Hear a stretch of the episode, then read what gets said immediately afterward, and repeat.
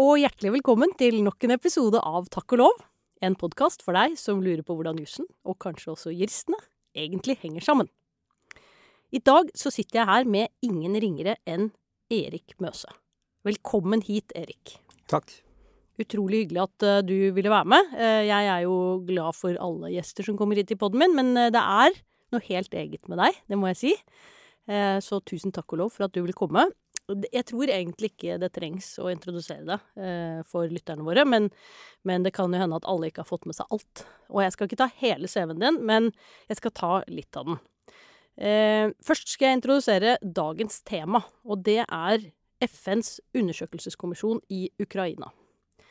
Det er altså en eh, kommisjon som er nedsatt for å se på mulige menneskerettighetsbrudd og overgrep, og brudd på humanitærretten i forbindelse med Russlands aggresjon mot Ukraina.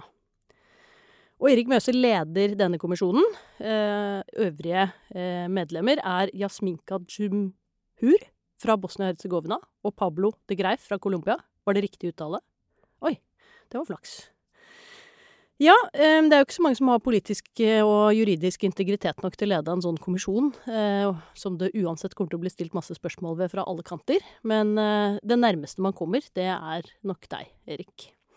Du er en Nå må du lukke ørene, for du er veldig beskjeden og vil ikke få ros og skryt. Men det må jeg gi litt allikevel, for du er en levende legende i inn- og utland. Ikke minst innen menneskerettigheter og folkerett.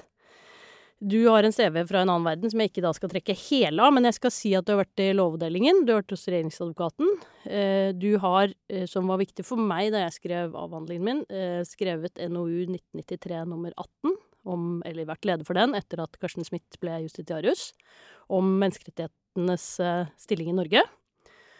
Den NOU-en kom i 93, og så kom eh, menneskerettighetsloven, som den førte frem til i 99. Så der var det jo et stykke dragkamp imellom der, i litt ulike retninger. Det er også en veldig interessant historie. Det må vi ta en annen gang.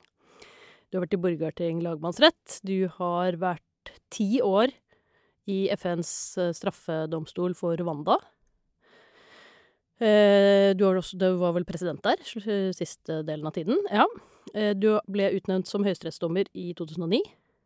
Stemmer det? Ja. Og så du, hoppet du over til Menneskerettighetsdomstolen i 2011. Men syntes det var fint å avrunde i Høyesterett, så da var du der i to år frem til 2020. Og så toppet jo alt frem til da med å bli spesialrådgiver i Norges institusjon for menneskerettigheter til slutt. Trodde vi, da. Men så viste det seg at du ble leder for denne kommisjonen i tillegg. Og det er den vi skal snakke om i dag. Og så har du da vært disse stedene, du var ferdig i Høyesterett, du har blitt spesialrådgiver i NIM, og så kommer FN og stiller deg spørsmål om du kan lede denne undersøkelseskommisjonen. Det er jo ikke noen liten oppgave. Hva tenkte du da? Nei, da resolusjonen var vedtatt av Menneskerettsrådet, så fulgte du ikke av resolusjonen hvem som skulle være de tre i kommisjonen.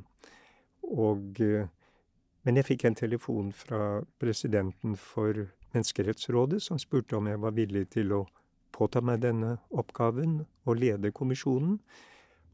Og det syntes jeg var så meningsfylt at det sa jeg ja til. Så det du ble styrt av, det var meningsfullheten, ikke Istedenfor å bli avskrekket av omfanget og umuligheten, så ble du inspirert av meningsfullheten? Ja, det vil jeg jo si. Eh, man kan vel vanskeligere tenke seg en mer meningsfylt oppgave enn denne nå. Det er jeg helt enig i. Vi prøver jo å myke opp stemningen innledningsvis, uansett hvor alvorlig tema vi har, med et uh, artig faktum om gjestene våre. Jeg hadde jo fått utlevert et artig faktum fra en kilde som står deg nær. Men innledningsvis i studio her så sa du at du håpet ikke at det artige faktumet var det. Um, så da tenkte jeg at jeg heller skulle spille ballen over til deg og spørre hva er ditt forhold til veitrafikklovens paragraf 3? Jeg tror jeg har et godt forhold til veitrafikklovens paragraf tre, men jeg tror nok at jeg en, noen ganger i løpet av livet har gått eller syklet på rødt lys. Men jeg prøver å redusere antallet. Ja, ikke sant. Og den bevismessige situasjonen er nå sånn at du ikke trengte å påberope deg vernet mot selvinkriminering? Det er en stund siden. Det er en stund siden. Vi lar det bli med det. Eh, vi kan jo bare merke oss at dette var det eneste artige faktum noen klarte å grave opp. Det er fordi du er så ordentlig. Eh, men du er utrolig morsom likevel. Det er ikke alltid at de som er ordentlige, er morsomme, men det er du. Det tar litt tid å skjønne at en del av det du sier er humor. For man tror det bare er en del av din korrekte fremtoning. Men eh, det viser seg at det er et ganske bra glimt i det øyet. Så vi får se hvordan eh, denne podden kan forløpe også på det punktet. Det er jo ikke akkurat et humoristisk og lystelig tema vi skal snakke om i dag. Hvis vi bare kan starte med litt begrepsavklaring. Eh, eh, menneskerettigheter er noe, humanitærrett er noe, og folkerett, og kanskje krigens folkerett, er noe. Og de henger på ulike vis sammen, men de er litt ulike størrelser.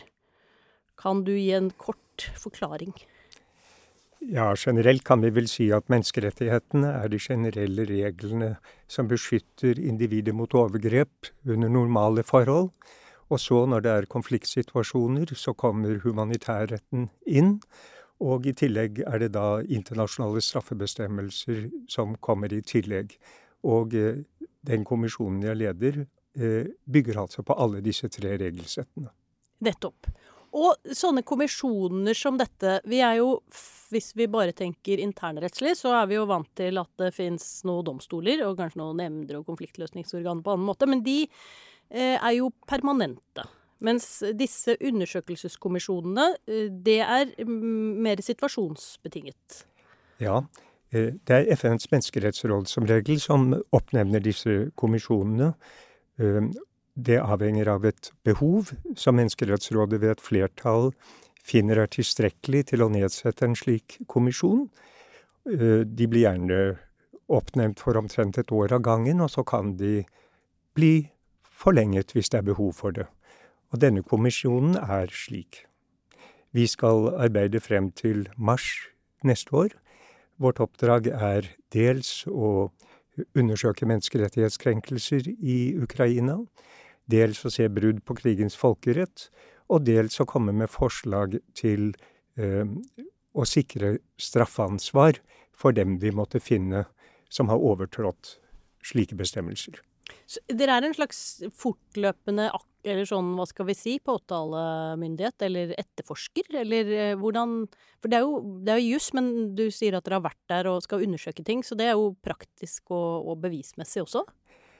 Dette blir jo gjerne kalt en form for fact-finding commission. Ja. Men i tillegg til det så må faktum må jo ses i forhold til regler. Og de reglene jeg nevnte, og faktum, kan altså lede frem til den konklusjon at noen bør stilles til ansvar. Ja. Og hvordan har dere arbeidet med dette frem til nå, da? Det du kan dele av det? Rent praktisk er det slik at vi ble oppnevnt i mars i år. Så tar det litt tid å sette et slikt organ på bena. Ehm, det kreves budsjett, og det kreves mennesker. Men vi tre, de tre kommisjonærene, har egentlig vært i sving fra første stund. Altså fra april og hatt jevnlige møter, vesentlig den første tiden via videokonferanser. Mm. Eh, minst ukentlig. Eh, og eh, så kom sekretariatet vårt etter hvert på bena. Det er nå fullt bemannet, og vi er 24 stykker. De 24 er i Wien. Det er der sekretariatet ligger, altså ikke i Genéve, der hvor Menneskerettsrådet er. Nei. Eh, mens de tre kommisjonærene har sitt utgangspunkt i det landet de bor i. Eh, men vi møtes altså dels digitalt, og dels når vi er i Ukraina, eller er i Wien, eller er i Genéve. Hva slags bakgrunn har disse to andre kommisjonærene fra Bosnia-Hercegovina og Colombia? Jasmika Jumhur er ombudsmann i Bosnia og Hercegovina. Og eh, Pablo Er det det samme som sivilombudet her, eller en type ja, ombudsmann? Ja, det kan ja, man si. Ja. Det kan man si. Ja. Uh, og uh, Pablo Greif er professor og holder til i New York, hvor han har virket i mange, mange år. Ja. Og har primært akademisk bakgrunn, men også noe praktisk, eller? Ja, iallfall eh, tror jeg Ja, alle disse har jo veldig ja. praktisk erfaring. Eksempel de Greif har jo mye menneskerettserfaring. Og det samme gjelder Zumhor, og hun har dessuten judisiell bakgrunn i tillegg. Ja. Alle har judisiell bakgrunn, men jeg tror nok hun også har hatt, litt, uh, dom, har hatt en del domstolsvirksomhet bak seg. Og når man begynner et slikt arbeid, dere kanskje har kjenner til hverandre fra før, men, men hvor, hvor, begynner man egentlig? Det virker jo helt uoverkommelig. Ja, Utgangspunktet er jo mandatet. Ja. Hva er, det, hva er oppgaven, og hva er tidsplanen? Ja. Og da får man forholde seg til det. Og så er det tre viktige begivenheter i denne kommisjonens livsløp. livsløp. Ja. Det ene er at uh, det skal avgis, eller skulle avgis, en muntlig rapport til Menneskerettsrådet i september. Den ble avgitt nå 23.9. for et par uker siden. Ja. Det andre er at det skal være en skriftlig rapport til generalforsamlingen. Den blir fremlagt 18.10. Og det tredje er altså sluttstenen, at det kommer en meget omfangsrik rapport i mars neste år. Og den, eh, den som dere leverte i september, hvordan, hva inneholdt den, og hvordan ble den mottatt? Ja, den fastslo jo at det, var eh, et, eh, at det var mange krenkelser i Ukraina. Det er viktig å være oppmerksom på at vi fikk et tilleggsmandat i tillegg til det generelle mandatet vårt i mars. Eh, hvor vi ble bedt om særlig å se på fire områder i Ukraina. Og bakgrunnen var jo de overgrepene som ble avdekket da russerne trakk seg tilbake ja. Eh, i ca. i mars-april.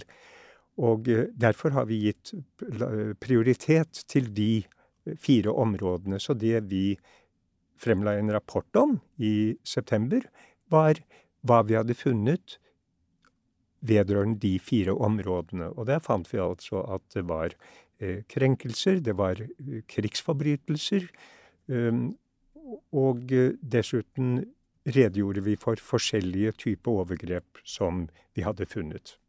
Kan du, uten å gå i altfor grafiske detalj, gi noen eksempler?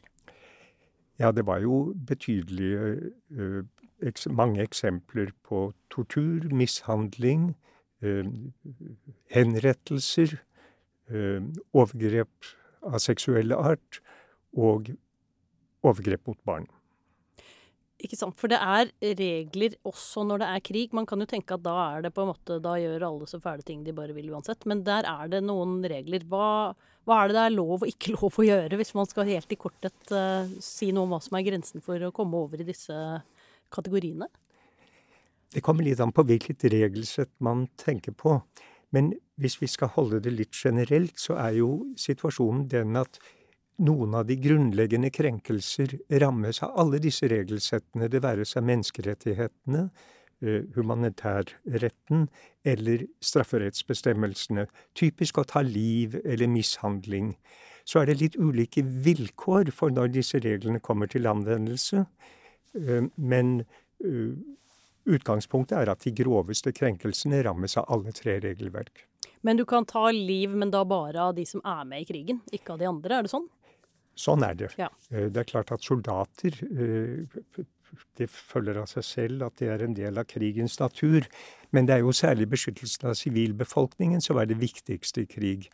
Og det var også noe vi slo ned på, eller iallfall fremhevet i denne foreløpige rapporten av september, at det var store omkostninger, og det er vel ikke uventet, for sivilbefolkningen. Mm. Og det gjelder dels på den måten jeg nevnte i de eksemplene jeg kom inn på nettopp, men det gjelder også selve krigføringen, bombardementet, eh, angrepene av væpnet art. Hvordan eh, Altså, vi blir jo, um, selv om vi tror vi eller opplever at vi har ganske god informasjon i, i frie, demokratiske stater, så Eh, så er det jo mye propaganda, og det er mange som prøver å eie ulike deler av fortellingen om hva som skjer i Ukraina. Og at Russland gjør det, det er jo ikke så rart. Men det er jo ikke alltid så lett å orientere seg, og, og, og det er sikkert lettere på bakken, og, og, kanskje med et sånt apparat som dere har. Men, men eh, er det vanskeligere å drive fact-finding i en sånn situasjon som dette? Ikke bare fordi det er krig, men også fordi det er mange som ønsker å påvirke hvordan historien skal se på det som har skjedd? Denne konflikten er jo nettopp særegen fordi konflikten pågår, som du nettopp sa. Og, dermed, og det stiller særlige krav. Um, man må derfor være særlig aktpågivende, for all den informasjonen som strømmer på, kan være manipulert. Hvis konflikten hadde vært for noen år siden, slik som f.eks. i Rwanda, så tenkte man vel neppe da på at man måtte dreie sannheten, men det er noe vi må være oppmerksom på nå. Og dette er jo noe som særlig viser seg, og det vet pressen godt, ved billedmaterialet. Det er jo en ganske komplisert sak å vurdere om sosiale medier, de klippene man finner, er ekte eller manipulert. Så det er en komplikasjon i bevisvurderingen. Men vårt bevis er jo ikke først og fremst billedmateriale, det er jo det å snakke med vitner, mm. og reise på befaring og se ødeleggelser. Så det er et veldig sammensatt bevisbilde. Og hvordan utøver dere denne kontrollen eller denne fact-findingen rent praktisk? Du snakket om at dere har et sekretariat. Men er det da slik at dere har kontakt med eh, sivilbefolkning, lokale organisasjoner? Hvem er det dere trekker på for å, for å finne ut av Eller for å finne frem til viddene, og for å, for å, kontrollere hva de har sagt, og, og orientere dere? Det er jo viktig at kommisjonen selv står for bevisføringen, og selv kan innestå for det vi finner. Mm. Så det er ikke nok å henholde seg til hva andre måtte ha funnet. Derfor er vi altså jevnlig på befaring i Ukraina. En slik befaring kan dels være eh, at kommisjonærene selv reiser dit, ledsaget av efterforskere, eller det kan være at vi bare sender efterforskerne inn. Det avhenger litt av omstendighetene. Men under slike besøk vil man nettopp snakke med vitner og sjekke opplysninger man får. Hvilke vitner man skal snakke med, avhenger nok ofte av et visst forarbeide, og der vil kildene man har For vi har, vi har jo mange kontakter av ulik art, eh, både med statlige og frivillige organisasjoner, som kan bidra. Og så må man prøve å velge ut de emnene og de vinneprovene som særlig er av interesse. Det høres jo ganske vanskelig ut. Etterforskerne, er de i sekretariatet, eller er det andre som dere bruker som etterforskere, eller hvordan er det dette henger sammen? Etterforskerne er en syv-åtte stykker som er en del av de 24 som er ansatt i vårt sekretariat. Ja, akkurat. Hva er det som har vært vanskeligst frem til nå, og hva er de største utfordringene av det som står foran dere? En viktig oppgave er jo å prioritere. Og det er blitt litt lettere pga. den mai-resolusjonen, for da måtte vi prioritere de områdene. Ja. Og i de områdene var det en del forhold som ga seg selv. Jeg kan jo nevne at Butsja, eksempel, som er ganske kjent, mm. er et av de områdene i Kiev-området som faller inn under den mai-resolusjonen, den andre resolusjonen. Og eh, også i de andre tre områdene eh, var det som jeg nevnte, ganske grove forhold. Men mer generelt må man jo så velge hvilke områder vi så bør konsentrere oss om, men også hvilke emner man bør særlig beskjeftige seg med. Ja, For du tenker områder er det geografiske, mens emner er liksom hvilke temaer er det Hva er det særlig vi må se på her? Ja. Akkurat. Og uh, det er jo veldig mange aktører på bakken i Ukraina. Både Altså, alle vet om ICC, eh, men også OSSE, Organisasjonen for sikkerhet og samarbeid i Europa. Eh, men Høykommissærens menneskerettskontor har en eh, delegasjon der, eller et kontor der, som har vært der helt siden 2014. Eh, det er nasjonale påtalemyndighetsorganer som reiser inn i Ukraina. Og et spørsmål blir jo da på hvilken måte kan særlig vår kommisjon være nyttig? Ja. Sammenlignet med alle de andre aktørene. At man ikke går i bena på hverandre, eller, ikke, eller, at man supplerer hverandre fremfor å gjøre det samme, eller? Begge deler, egentlig. Ja. Så dels er det et behov for koordinering. For um, man må jo f.eks. så vidt mulig unngå at vitner må avgi forklaring til for mange. Ja. Det er dels ineffektivt, men ikke minst er det veldig traumatiserende for vitnene selv. Og derfor har vi f.eks. underhåndskontakt med flere organer som gjør det samme som oss, for så vidt mulig å redusere belastningen. Er det, um, er det noen sammenlignbare kommisjoner som har jobbet på denne måten før i lignende type konflikter mens konflikten har pågått, eller pleier disse kommisjonene å bli nedsatt i ettertid? Du det vanlige er at kommisjonene blir nedsatt uh, senere. Men uh, jeg tror nok at Syria er et eksempel på en slik samtidskonflikt. Ja. Er det, holdt jeg på å si, det er jo åpenbart noen store utfordringer, men er det noen fordeler med å jobbe samtidig som krigen pågår også? Ja, det er jo det. Bevisene blir så nære. Ja. Uh, og overveldende. Ja. Igjen, hvis du tenker på Rwanda og Jugoslavia, så, jo, så gikk jo rettssakene en åtte-ti år senere. Mm. Mens derimot nå blir bevisinnhentingen foretatt samtidig. Og det forenkler. Men det kompliserer fordi materialet er overveldende. Hva kan dette brukes til, da? Etterpå? Tankegangen er at dette bevismaterialet skal beholdes, oppbevares sikkert av kommisjonen, og så blir det spørsmål om straffeforfølgning mot de enkeltpersoner eller organer kommisjonen måtte finne frem til. Hvilke organer som skal foreta denne straffeforfølgningen, er også en del av vårt mandat. Det skal dere vurdere, eller? Ja, ja. vi skal i alle fall komme med forslag til det. Ja. Det er ikke vår kommisjon som skal ta standpunkt eh, formelt til hva som er den beste vei fremover. Vi skal komme med anbefalinger. Mm -hmm. Og der kan man tenke seg dels nasjonale ø, løsninger, f.eks. at det skjer i Ukraina eller i andre nasjonale jurisdiksjoner. Eller internasjonale løsninger, f.eks. at det skjer i ICC eller et annet internasjonalt organ som måtte bli opprettet av strafferettslig karakter. Forklar litt hva som skal til for at ICC eh, Ja, forklar først hva ICC er, eh, og for at eh, de kan ta stilling til dette.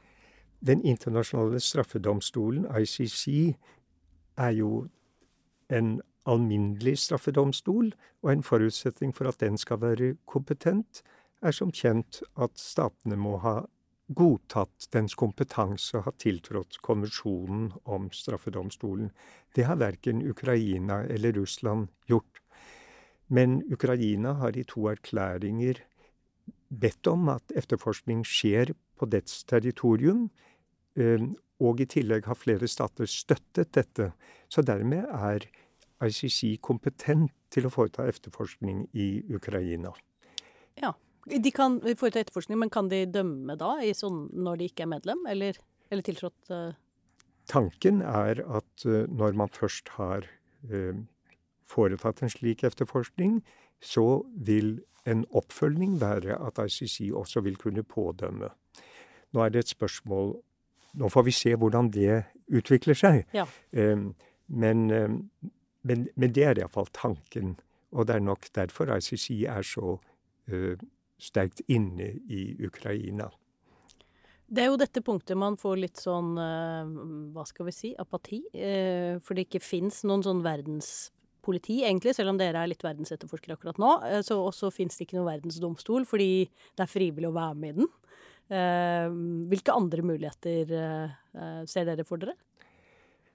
Ja, nå er jo ikke dette noe vi uh, konkluderer med nå. Men hvis vi tenker mer sånn prinsipielt, mm. så, og siden du spør om hva man kan tenkes å gjøre på det internasjonale plan, så kan det dels bli tale om adhoc-domstoler, sånn som man gjorde med uh, Rwanda og Jugoslavia. Da ble det jo de to adhoc-domstolene for de to uh, konfliktene.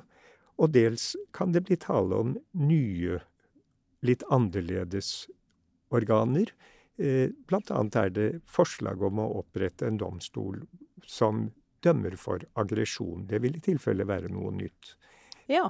Kunne den gjøre det uavhengig av at man hadde tiltrådt den, eller akseptert den, eller sånn som er problemet for ICC?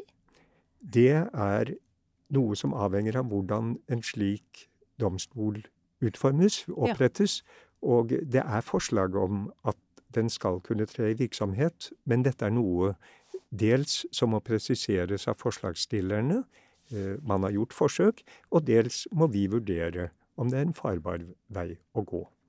Det er litt tidlig i prosessen. Ja, det, jeg beklager å foregripe, men jeg blir så nysgjerrig på det som skjer, og det som kan skje videre. Så jeg skjønner at det ikke er så lett å svare på, men det er bare hjernen løper litt av med hvilke muligheter som eventuelt eh, ligger foran. Eh, hvis man bare ørlite grann ser på dette nasjonale sporet, da. Eh, du nevnte at det kunne pådømmes i Ukraina, og da tenker man kanskje at de har jurisdiksjon fordi det skjedde mot dem og på deres territorium.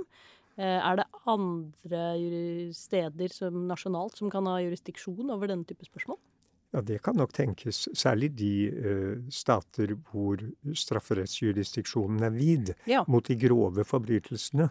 Men Ukraina er et interessant uh, tema, siden du nevnte det, fordi dels holder jo den ukrainske riksadvokaten allerede på med straffesaker. Uh, det, det embetet har allerede mottatt en ca. 30 000 anmeldelser om slike overtredelser. Det sier seg at oppgaven er svært stor. Eh, og hittil er det domfelt ni personer eh, i ukrainske domstoler. Så blir spørsmålet hva gjør man med den ukrainske modellen? Er de alminnelige domstoler egnet til å ta seg av denne oppgaven, eller bør den styrkes? Men igjen, dette er noe vi først skal besvare i mars neste ja, år. Ja. Uh, så, men, men, dette er dilemmaene, ja, altså. Nettopp. Um, uh, vi har jo så langt sett på dette fra perspektivet uh, russiske overgrep i Ukraina. er det andre overgrep også som er aktuelle? Vår kommisjon er jo uavhengig og upartisk, og det er et viktig poeng. Og det betyr at vi ser efter overgrep og menneskerettskrenkelser fra enhver. Og det innebærer at f.eks. Ukraina også omfattes. Og allerede i vår rap muntlige rapport i september i år nevnte vi at vi hadde funnet eksempler, riktignok få, eh, på mishandling av russiske soldater av ukrainske stridende eller soldater. Det er jo viktig å få frem eh, i den grad det har skjedd, også kanskje for måten kommisjonsrapporten blir mottatt på. At man kan tenke at nettopp fordi det er en så politisert konflikt og med så store implikasjoner videre, at det er viktig i noen grad å sørge for å ha med en sånn balanse. Preger det mm, prioriteringen deres også? Vi er iallfall svært opptatt av å bli oppfattet som helt uavhengige og upartiske, som jeg nettopp sa. Og det betyr at vi bevisst ser efter forhold på alle sider. Um, det slår meg når du snakker at den kompetansen du må ha for å klare å gjøre den jobben du nå er satt til å gjøre, den, um, den det, det er, den er stor. altså, den forutsetter egentlig erfaring fra veldig mange ulike ting, og det har du jo. Du har erfaring fra forvaltningsapparatet, fra regjeringsadvokaten, fra lovutformingssiden, fra den dømmende side på både nasjonalt og internasjonalt og eh, nivå i flere varianter, eh, og i Høyesterett. Eh, hvilke deler av den erfaringen du har med deg, eh, er det du på en måte tenker at det det var bra jeg har gjort det der før, for dette hadde jeg ikke visst hvordan jeg skulle løse nå. Hvis jeg ikke hadde grubla på dette før. Jeg tror nok det er ganske greit med alle disse typer erfaring. Mens særlig dette å ha vært i domstolen, la oss si som dommerfullmektig i lagmannsretten i Høyesterett, eh, altså det å vurdere bevis. Mm. For ikke å snakke om hvor vanskelig bevisvurderingen var i Rwanda-domstolen de tiårene jeg var der. Eh, dag ut og dag inn med spørsmålet Snakker dette vitnet sant mm. eller ikke? Mm. Um, og det syns jeg nok er en erfaring som har vært svært nyttig. Det er interessant, for det er jo den kunnskapen som du har fått etter at du gikk ut fra jusstudiet. For på jusstudiet, der lærer vi, hvis vi tenker at jussen består av tre ting, da. Finne regelen, finne faktum og subsumere faktum under regelen så lærer vi det ledd 1 og ledd 3 veldig nøye gjennom jusstudiet. Men ledd 2, det er alltid gitt. Skal ikke spekulere i faktum. Det er Peder Aas sa det, og Marte Kirkerud gjorde det. Um, Er det noen måte man kunne forberede jusstudentene bedre på den siden av jussen under studiet? Ja, det er en stund siden jeg studerte juss nå, så jeg er ikke helt oppdatert på hvor mange forbedringer som har skjedd siden min tid. Men, men min egen erfaring har, iallfall vært at det er særlig gjennom den praktiske erfaringen i ulike instanser som eh, har oppøvet etter fattig evne muligheten for å vurdere bevis. Det tror jeg de fleste jurister vil føle, at det er noe som er en livslang læringsprosess. Og eh, selv har jeg altså hatt uh, glede av de ulike stedene jeg har vært, for så vidt mulig å gjøre det så godt som mulig med denne oppgaven. Ja, det skjønner jeg. Det, så det du egentlig sier her, er eh, Eller i hvert fall sånn hvis jeg skal oversette det inn i mitt eget hode, så, så blir det en sånn jusstudie i bunn som en nødvendig, men ikke tilstrekkelig forutsetning. Eh, og så er det, hva skal vi si, en slags institusjonalisert variant av livets harde skole på toppen der. Da får man litt mer innsikt i menneskenaturen og opp- og nedsider med den, og ens egen mulighet til å vurdere hva den består i, og hvilke utslag den gir.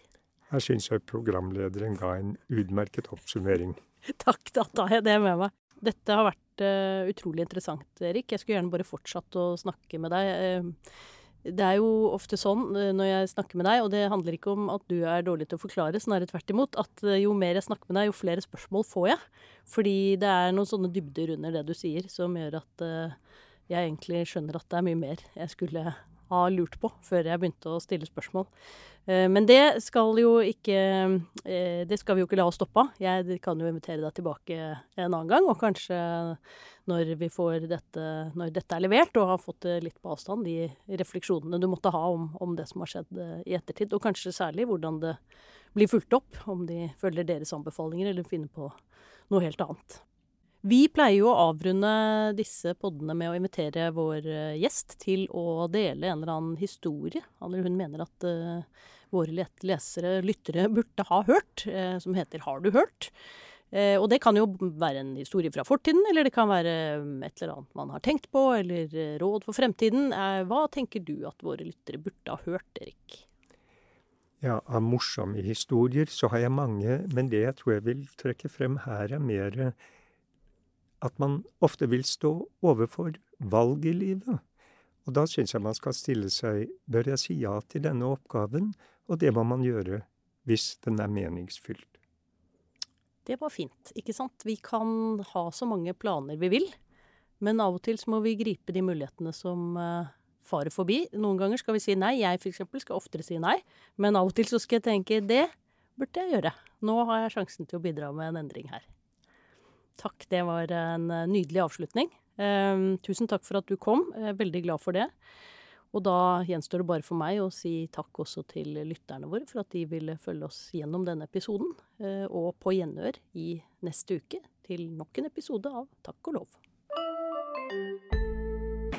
Da er det tid for litt reklame.